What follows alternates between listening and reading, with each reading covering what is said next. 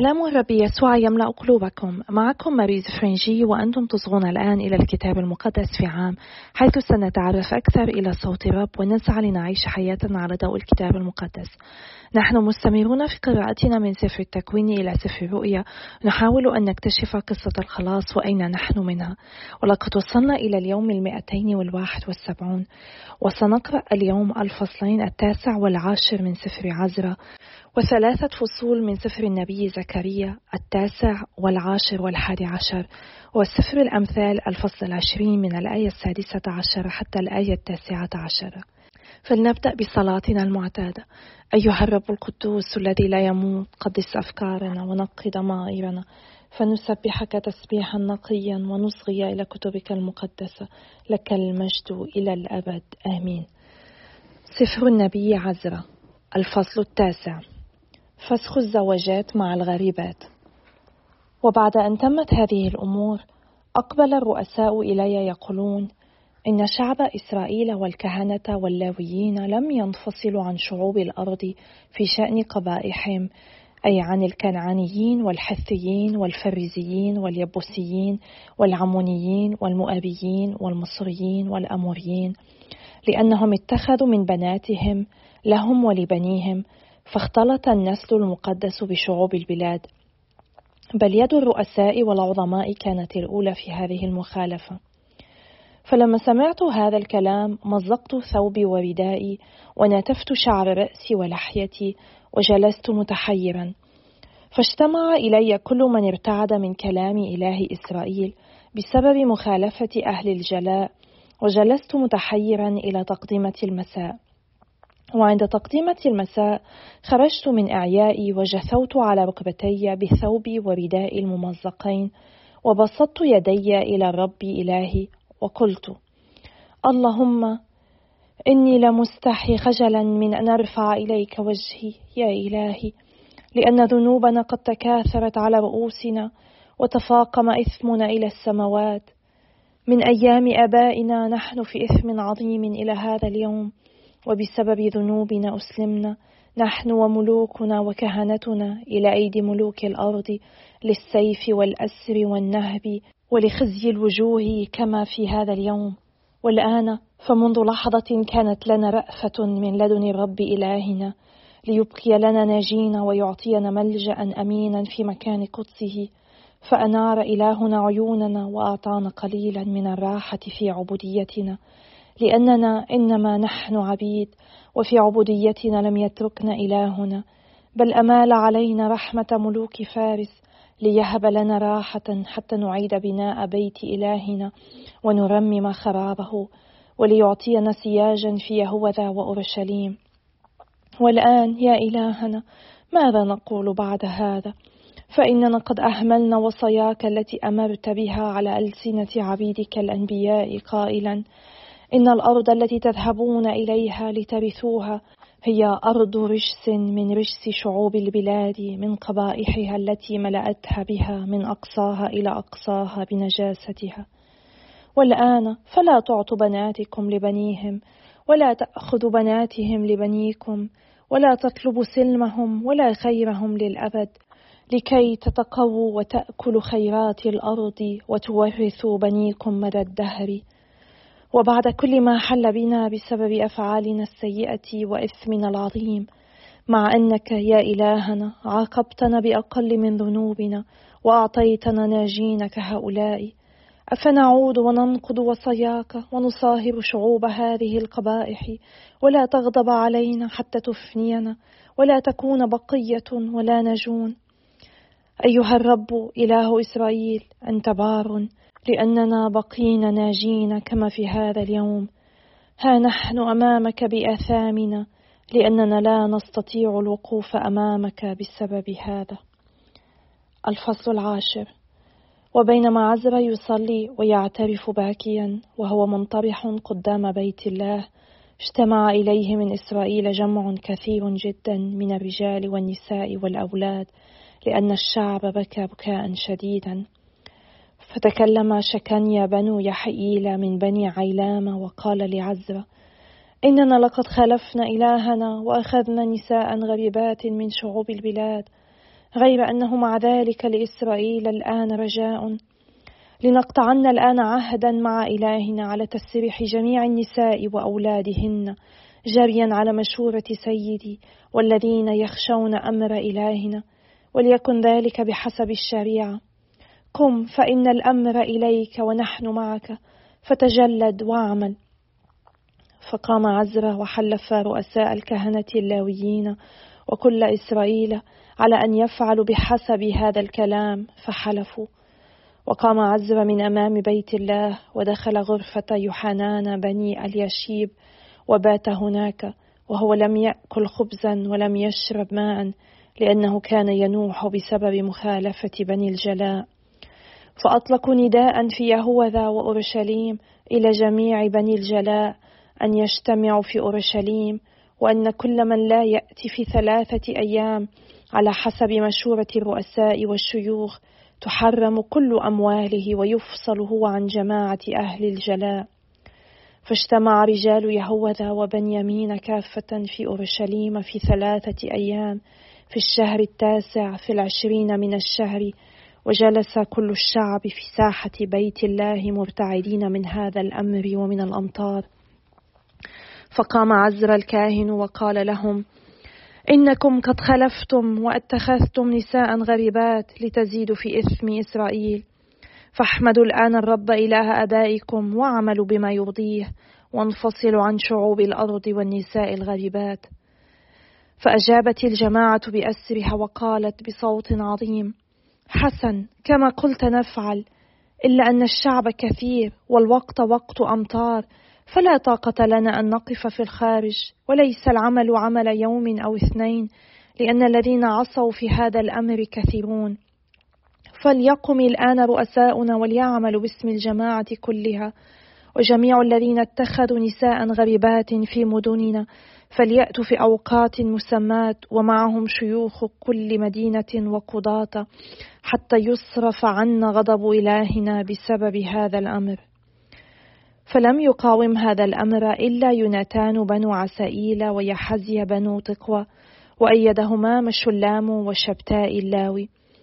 ففعل بنو الجلاء كذلك وأفرد عزر الكاهن رؤساء الآباء بحسب بيوت آبائهم وكلهم مسمون بأسمائهم فجلسوا في اليوم الأول من الشهر العاشر لفحص هذا الأمر. وانتهوا من جميع الرجال الذين اتخذوا نساء غريبات في اليوم الأول من الشهر الأول. لائحة المذنبين.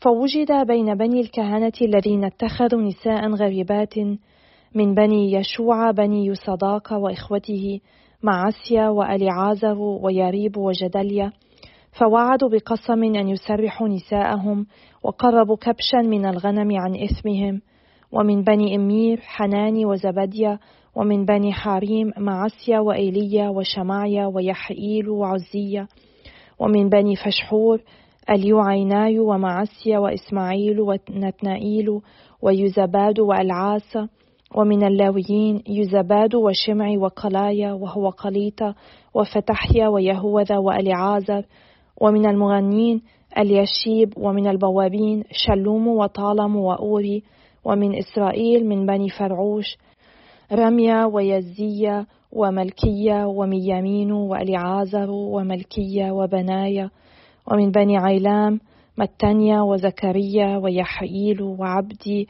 ويريمون وإيليا ومن بني زتو اليوعيناي وأليشيب ومتنيا ويريموت وزباد وعزيزة ومن بني باباي يوحنان وحنانيا وزباي وعتلاي ومن بني باني مشلام وملوك وعدايا ويشوب وشآل ورموت ومن بني فحت مؤاب وعدنا وكلال وبنايا ومعسيا ومتنيا وبصلائيل وبنوي ومنسى ومن بني حريم أليعازر ويشيا وملكيا وشمعيا وشمعون وبنيامين وملوك وشمريا ومن بني حشوم متناي ومتاتة وزابد وألفالة ويرماي ومنسى وشمعي ومن بني باني معداي وعمرام وأوئيل وبنايا وبدايا وكلوهي وونيا ومريموت وألياشيب ومتنيا ومتناي ويعسو وباني وبنوي وشمعي وشماليا وناتان وعدايا ومكدنباي وشاشاي وشاراي وعزرائيل وشلميا وشمريا وشلوم وأمريا ويوسف ومن بني نبو يعائيل ومتنيا وزباد وزبينا ويدو ويؤيل وبنايا جميع هؤلاء اتخذوا نساء غريبات وكان منهن من ولدنا لهم بنين سفر النبي زكريا الفصل التاسع. القسم الثاني قول الأرض الجديدة. كلمة الرب في أرض حدراك وفي دمشق راحته لأن إلى الرب عين الإنسان وجميع أصباط إسرائيل وفي حماة أيضا متاخمتها وفي صورة وصيدون فإنها حكيمة جدا. وبنت صور حصنا لها وكنزت الفضة كالغبار والذهب كوحل الطرقات. هو ذا السيد يستولي عليها ويهدم في البحر سورها فتلتهم بالنار. فترى أشقلون فتخاف وغزة فترتعد جدا وعقرون فإن انتظارها قد خيب. ويهلك الملك من غزة وأشقلون لا تسكن.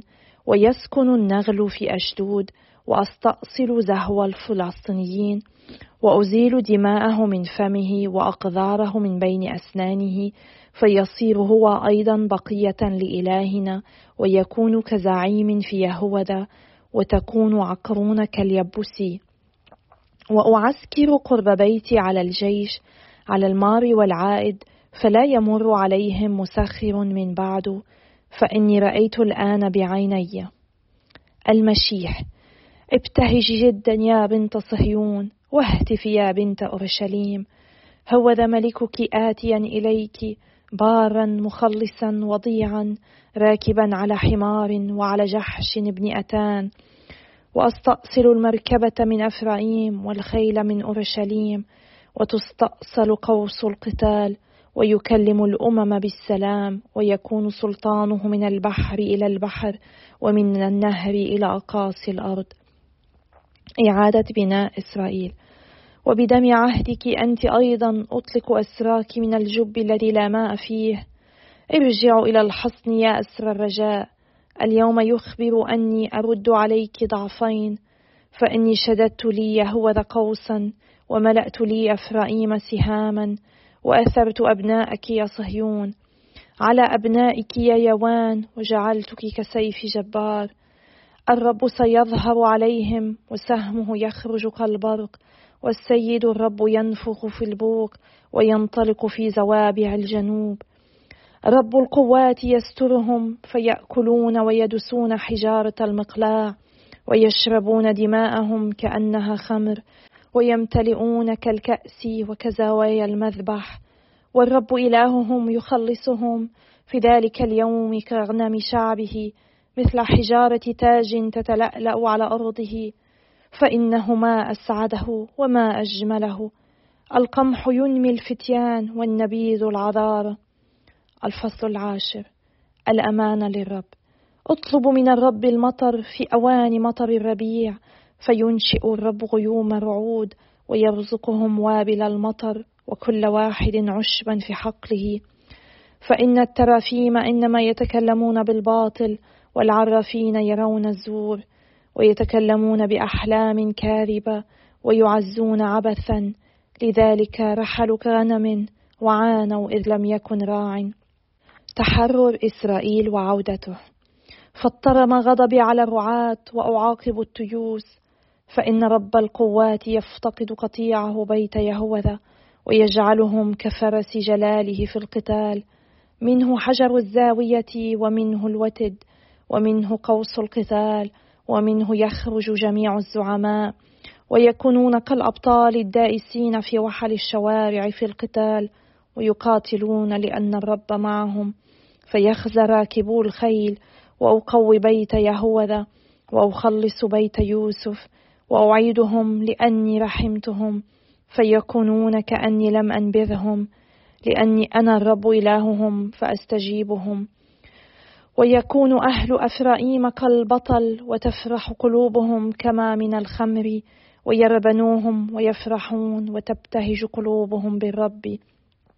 أصفر لهم وأجمعهم لأني افتديتهم ويكثرون كما كانوا وأزرعهم بين الشعوب ويذكرونني في الأقاصي ويربون بنيهم ويرجعون.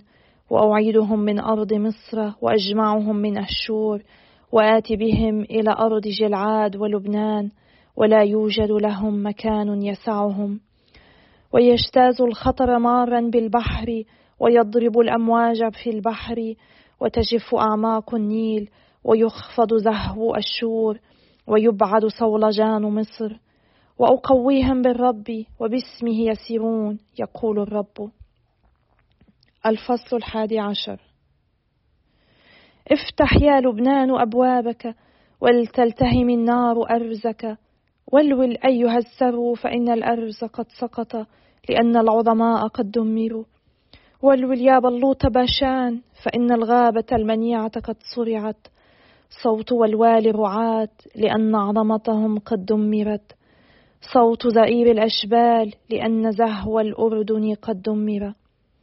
الراعيان هكذا قال الرب إلهي ارع غنم القتل التي يقتلها مشتروها ولا يعاقبون وكل من يبيعها يقول تبارك الرب فإني قد اغتنيت ورعاتها لا يشفقون عليها.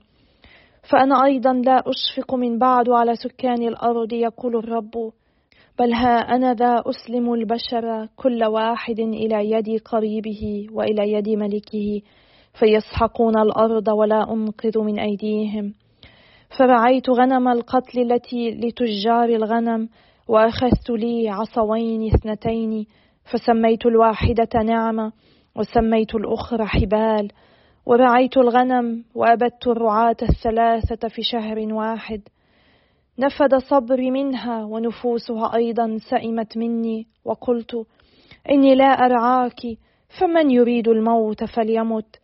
ومن يريد الهلاك فليهلك وأما البقية فليأكل بعضها لحم بعض. وأخذت عصاي نعمة وحطمتها لأنقض عهدي الذي قطعته مع جميع الشعوب. فنقد في ذلك اليوم وهكذا علم تجار الغنم المراقبون لي أنها كلمة الرب. وقلت لهم إن حسن في عيونكم فهاتوا أجرتي وإلا فامتنعوا. فوزنوا أجرتي ثلاثين من الفضة. فقال لي الرب ألقها إلى السباك ثمنا كريما ثمنوني به. فأخذت الثلاثين من الفضة وألقيتها في بيت الرب إلى السباك. وحطمت عصاي الأخرى حبال لأنقض الإخاء بين يهوذا وإسرائيل. وقال لي الرب عد فخذ لك أدوات راع غبي. فها أنا ذا أقيم راعيا في الأرض لا يفتقد النعجة المختفية ولا يطلب المفقودة ولا يجبر المكسور ولا يعول القائم بل يأكل لحم السمان وينزع أظلافها. ويل للراعي الباطل الذي يهمل الغنم ليكن السيف على ذراعه وعلى عينه اليمنى. ولتيبس ذراعه يبسا ولتكل عينه اليمنى كلالة. سفر الأمثال الفصل العشرون من الآية السادسة عشرة حتى الآية التاسعة عشرة خذ ثوبه فإنه كفل غريبا ولأجل الأجانب خذ منه رهنا. خبز الكذب لذيذ للإنسان وبعد ذلك يمتلئ فمه حصن. بالمشورة تحقق المقاصد وبالحيل مارس الحرب. الساعي بالنميمة يفشي الأسرار فلا تخالط فاغر الشفتين.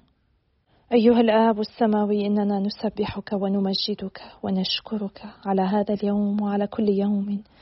يا رب هناك دائما شيء يستحق أن نشكرك عليه حتى في خضم الانكسار في خضم المعاناة في مواجهة الموت. فقط إذا كان لدينا أذان تسمع وأعين ترى نستطيع أن نرى كل ما تفيده علينا من نعمتك وحبك ومراحمك. أنت لا تنسانا أبدا يا رب ساعدنا كي لا ننساك. ساعدنا كي لا نغفل عن دعوتك السامية. ساعدنا ليس فقط على فتح آذاننا وأعيننا لنسمع ونرى بل ساعدنا لأن نفتح أفواهنا لنسبحك ولنساعد على بناء الأشخاص الذين حولنا. أعطنا يا رب النعمة كي نكون من نوع الأشخاص الذين يشجعون الغير ويساعدوهم حتى ننمو جميعنا بالقداسة. باسم الرب يسوع نصلي آمين. باسم الآب والابن والروح القدس إله واحد آمين. بعد أن عاد عزرا ووجد أن الهيكل قد أعيد بناؤه وأن حياة الشعب كانت في خراب بسبب التزاوج بالأجانب ضد شريعة الله مما يهدد مستقبل الأمة الروحية. صلى عزرا ملتمسا الإرشاد ثم أعقب ذلك بالعمل كما قرأنا اليوم. ونلاحظ أنه ليس فقط عامة الشعب الذين تزاوجوا إنما بعض القادة والكهنة لم يطيعوا وصية الرب وتزاوجوا. نحن نتذكر أنه منذ عهد القضاة تزوج بنو إسرائيل بنساء وثنيات ومن ثم تبنوا ممارساتهم الدينية حتى إن الملك العظيم سليمان ارتكب نفس الخطيئة رغم أن ذلك كان محرما في الشريعة. وقد حدث نفس الشيء في أيام عزرا وفي الجيل الذي أتى بعده. وعلينا أن نفهم أن معارضة الزواج المختلط لم تكن تعصبا عرقيا لأن اليهود وغير اليهود في تلك المنطقة كانوا من نفس الخلفية السامية ولكن الأسباب كانت روحية بحتة. فمن يتزوج بشريك وثني كان يميل لتبني الممارسات الوثنية لهذا الشريك. فإذا لم يكن بنو إسرائيل يبالون كثيرا بعصيان الله في أمر هام مثل الزواج فإنه لن يكون لديهم القوة الكافية للثبات أمام وثنية شركائهم. وقد ظلت هذه مشكلة دائمة إلى أن كف بنو إسرائيل نهائيا عن ممارسة الزواج المختلط. إن الشعب اليهودي كان هو شعب العهد مع الرب لذلك حذرهم الرب من اتخاذ زوجات يهوديات.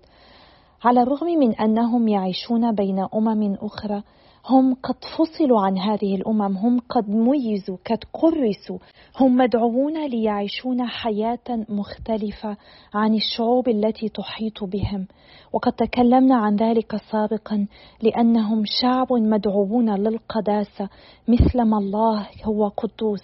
إن زواجهم المختلط يضعف صلة العهد مع الرب ويجعلهم ينحرفون عن مقصد الله. كل مرة فعل الإسرائيليون هذا انتهى بهم الأمر إلى فقدان إيمانهم بالرب. علينا أن نفهم أنه لاحقا عندما اتخذ القرار بالتخلي عن النساء الغريبات لم يكن قرارا إجماعيا حيث أجبر الجميع أن يفعل ذلك بل نقرأ في الآية السادسة عشرة ونفذ العائدون من السبي هذا الأمر واختار عزر الكاهن رؤساء العائلات بأسمائهم وفقا لعشائرهم فانفصلوا عن الجماعة وجلسوا في اليوم الأول من الشهر العاشر للقضاء في الأمر مما يعني أنهم درسوا كل حالة بحالتها قبل اتخاذ القرار بالتخلي عن النساء الغريبات. فالنساء اللواتي أصبحن يهوديات وربين أولادهن على الدين اليهودي لم يكن عليهن أن يذهبوا لأنهن قد اهتدين إلى اليهودية والرب يستطيع أن يفعل الكثير من خلال هكذا اهتداءات. مثلا كما قرأنا في السابق عن المرأة المؤابية راعوث التي ذهبت مع حماتها نعمي وقالت لها أن شعبها يصبح شعبها وأن إلهها يصبح إلهها وتزوجت من بعاز وأصبحت الجدة الكبرى للملك داود ولم تعد معروفة بالمرأة الغريبة. هذه قصة شعب قد اهتدى إلى إله إسرائيل. والله يستطيع أن يفعل الكثير كما اليوم الكثير مدعوون للاهتداء إلى المسيحية ونحن في سيرتنا يمكننا أن نساعد غيرنا ليسعى لاكتشاف المسيحية ليسعى ليتعرف على الرب الإله القدوس الذي أحبنا حبا لا حدود له. والملفت للنظر رد فعل عزرا في صلاته بشأن الزواج المختلط بعد أن علم بخطايا الشعب خر على ركبتيه مصليا وصلاته الخارجة من قلبه تعطينا نظرة صائبة. هو أدرك أن الخطيئة أمر خطير أنه لا يمكن أن يخطئ دون أن يؤثر في الآخرين أنه هو نفسه لم يكن بلا خطية رغم أنه لم تكن له زوجة وثنية. وأن الله في محبته ونعمته قد عفى عن الأمة رغم أنها لم تفعل ما يستحق هذا العفو. ومن السهل النظر إلى الخطيئة باستخفاف في عالم يرى الخطيئة أمرا تافها ولكن يجب علينا أن نعتبر الخطيئة أمرا خطيرا تماما كما فعل عزرا. وعلينا أن نتذكر دائما الثمن الباهظ الذي دفعه الرب يسوع بسبب خطايانا. ألامه وصلبه وموته بسبب خطايانا. عزرا اعترف في صلاته بخطايا الشعب مع أنه لم يخطئ كما أخطأ شعبه إلا أنه اعتبر نفسه واحدا معهم في خطاياهم وعبر بالبكاء عن إحساسه بالعار لأجل الخطيئة والخوف من عواقبها وأمنيته أن يتعقل الشعب ويتوب. وقد جعلت صلاته الشعب يبكون بمرارة وهو كما قرأنا في الآية السادسة يقول اللهم إني أخجل وأخزى من أن أرفع وجهي نحوك لأن آثامنا قد تكاثرت فوق رؤوسنا ومعاصينا قد تعاظمت فبلغت عنان السماء. ليتنا نتعلم من عزر كيف نصلي ونعود إلى الرب مصلين تائبين كلما خطئنا إليه. عزر تساءل أي رجاء يمكن أن يكون لنا إن عاملتنا يا الله بالعدل؟ نحن كثيرا ما نصرخ طالبين العدل عندما نشعر بأنه قد أسيء إلينا وقد عملنا بالظلم. ففي تلك اللحظات ننسى حقيقة خطيئتنا والدينونه العادله التي نستحقها. ويا لغبطتنا لأن الله يمنحنا رحمه ونعمه وليس العدل فقط. عندما نلتمس من الله المعامله العادله المنصفه علينا أن نتمهل ونتأمل ما الذي يمكن أن يحدث لو أن الله منحنا ما نستحقه حقيقة. في سفر زكريا قرأنا نبوءات مشجعة عن تجديد يهوذا. مثلا في الفصل العاشر ويدوسون الأعداء معا كما يدوس الجبابرة الطين في الشوارع ويحاربون لأن الرب معهم فيلحقون العار بفرسان الأعداء. إني أشدد شعب يهوذا وأخلص ذرية يوسف وأردهم إلى أرضهم لأني أكن لهم الرحمة. كلمات رائعة ومشجعة جدا من الرب إلى شعبه. الله يعد بتقوية شعبه. عندما نبقى ملتصقين به سيمكننا روحه من إتمام إرادته برغم كل العوائق. وعندما نبقى بعيدين عنه سننفصل عن مصدر قوتنا. زكريا تكلم أيضا عن أنواع مختلفة من الرعاة. البعض الذي يهتم حقا بخرافه بينما البعض الآخر يهتم بأنفسهم. والراعي الصالح هو الذي يرعى الخراف. والراعي الصالح هو الرب يسوع الذي يبذل نفسه عن خرافه. وقد قرأنا عدة نبوءات اليوم في زكريا عن الرب يسوع. مثلا آه، نبوءة الملك الذي يدخل أورشليم يوم أحد الشعانين. والثلاثين قطعة من الفضة الذي ثمنوه به إلى الفخاري. التي كانت ثمن الفضة المدفوعة ليهوذا لخيانة الرب يسوع. نهاية الفصل الحادي عشر من زكريا تتحدث عن الراعي الأحمق الذي يهجر القطيع. علينا أن نتذكر دائما أن كل واحد منا وضع في موضع قيادة مما يعني أننا وضعنا في موضع مسؤولية عظيمة. وعلينا أن نتذكر أنها حقا مأساة عندما يفشل القادة في الاعتناء بشعبهم بصورة مرضية وأن الرب سيحاسب القادة على حالة شعبهم. ولذلك علينا أن نطلب من الرب النعمة كي نكون رعاة صالحين كي نكون قادة جيدين سواء كنا أباء وأمهات أو معلمات أو مدراء أو مسؤولين. مهما كانت مسؤوليتنا ومهما كان صغيرا أو كبيرا موضع القيادة الذي نحن فيه فلنصلي من أجل بعضنا البعض كي نستطيع أن نتمم مسؤولياتنا بكل أمانة ولنصلي دائما من أجل قادتنا المدنيين والدينيين كي يسعوا ليكونوا مثل الراعي الصالح مثل الرب يسوع يسعون دائما لخير الشعب. أنا أصلي لأجلكم وأتشكركم على صلواتكم وإلى اللقاء غدا يوم آخر إن شاء الله حيث سنبدأ بقراءة سفر جديد سفر نحمية.